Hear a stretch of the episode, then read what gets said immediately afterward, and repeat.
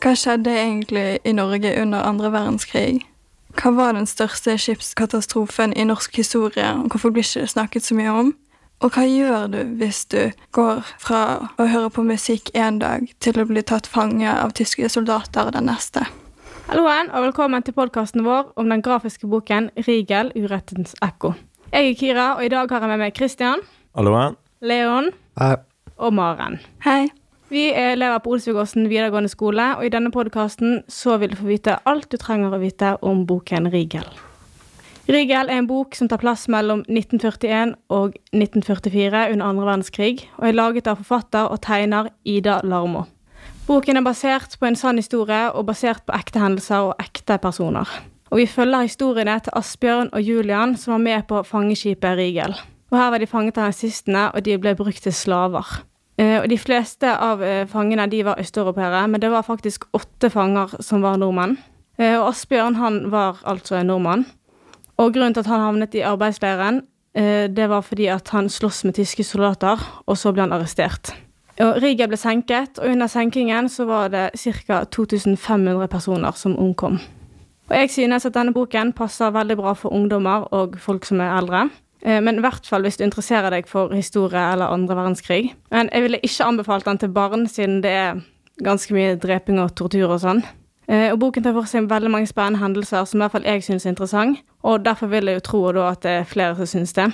Så hvis du synes at boken høres spennende ut, så ville jeg virkelig lest den.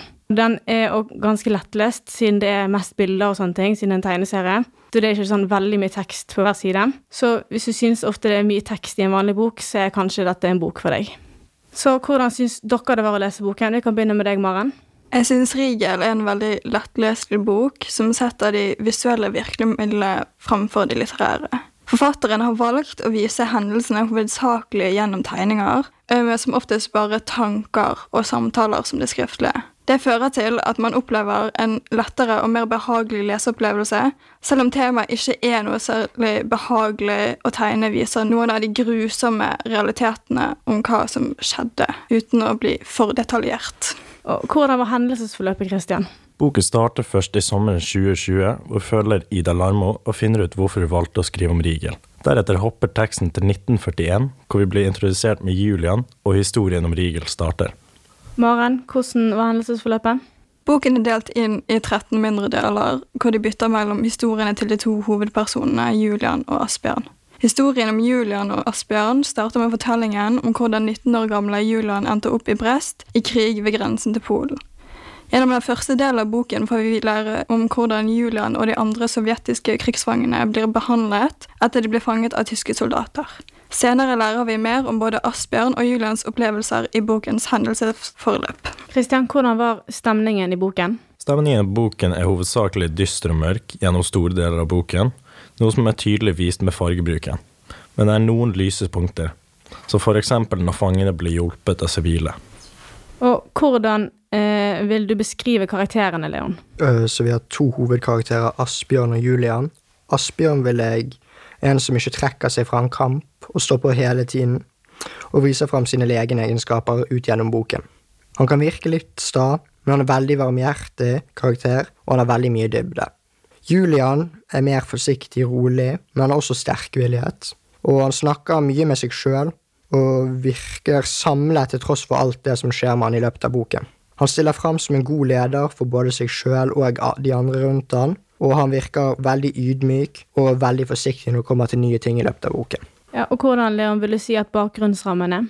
Eh, bakgrunnsrammen er interessant, med en relativt ukjent del av norsk krigshistorie. Bakgrunnsrammen er jo et dystert tema som andre verdenskrig, og tegnestilen gjør det temaet mer lettlest og kan virke litt mindre seriøst enn den situasjonen egentlig var. Christian, var det noen symbolske hendelser eller sitater i boken? Boken bruker svært mye fargebruk for å symbolisere stemningen til de forskjellige hendelsene. For eksempel når vi følger Ida Larmo, så er det en nøytral stemning med masse lyse farger. Dermed i kontrast med når vi følger historiene til Julian eller Asbjørn, hvor fargene er mørke og stemningen er dyster. Maren, da? Var det noen symbolske hendelser eller sitater i boken? Forfatteren bruker også mye metaforer i tegningene hennes. Bombeflyene hun tegner, er tegnet som kråker, både pga. Julians assosiasjoner med flyene, men også kanskje pga. at kråker blir ofte sett på som et tegn på døden i flere folketråder. Er det noen sitater dere likte, og hvorfor? Vi kan begynne med deg, Christian. Eh, Jeg likte sitatet av Julian, hvor han sier 'helvete, det er kun jeg selv som skal bestemme min egen skjebne'. Han er utslitt, underernært og plassert i en dårlig posisjon, men er fortsatt bevisst om at han skal leve. Jeg liker dette sitatet siden det viser hvor kraftig viljestyrken til Julian var. Maren, da? Jeg likte det sitatet som var Russeren hjalp tyskerne opp gjennom fjæra da vi kom i land. Han kunne enkelt ha tatt en stein og slått han i hjel, men i stedet hjalp han tyskeren som om det var hans egen bror. Jeg likte det sitatet som det viser at typen menneske du er, vil vise gjennom når det er viktigst. Var boken slik du forventet at den skulle være, eller ble dere overrasket? Vi kan begynne med Leon. Både ja og nei. Han tar for seg på historien på en veldig unik måte, og framstiller han også på en positivt og negativ måte. Eh, Boken har små avbrekk av forfatteren, hvor hun forteller om hvordan hun fant ut om denne historien da om Rigel, og noen av disse rammene de fungerer kjempebra inn i historien, sånn som hun kontaktet Julian datter, og så er det også noen av avbrekkene som ikke fungerer like bra igjen, hvor det sporer litt av. Vil dere anbefale denne boken, og i så fall til hvem? Vi kan begynne med Christian. Jeg ville anbefalt denne boken til folk som er interessert i norsk historie, og lettleste bøker med mye bilder. Jeg ville anbefalt denne boken til hvem som helst, egentlig. Boken er lett å lese og har interessante deler til enhver, men jeg ville spesielt anbefalt den til de med interesser innenfor andre verdenskrig, siden det er en bok som belyser deler av krigen som ikke blir snakket så mye om. Jeg ville sagt det er en veldig god kvalitet eh, på boken, men jeg hadde ikke kjøpt boken på eget initiativ. Jeg ville anbefalt eh, alle som liker å lese om krigshistorie og ukjente historier i Norge, til å plukke opp denne boken f.eks. på et bibliotek. Vi er alle enige om at vi vil gitt boken en terningkast fem. Fordi at boken er skrevet på en måte der man ikke nødvendigvis trenger å elske temaet for å kunne interessere seg for boken, men selvfølgelig så vil det alltid være en fordel. Eh, Og selv om du kan mye om temaet, så vil dette vise en side som du nødvendigvis ikke vet så veldig mye om. Og siden boken er skrevet om ekte personer, så får man mer medfølelse for historien, og det blir mer interessant, syns iallfall jeg. Eh, Og boken er òg veldig hjelpsom på å få unge til å bli mer interessert i norsk krigshistorie, og gjør temaet mye mer interessant å lese enn hvis man bare skulle lest det på SNL, for eksempel. Tusen takk for oss! Les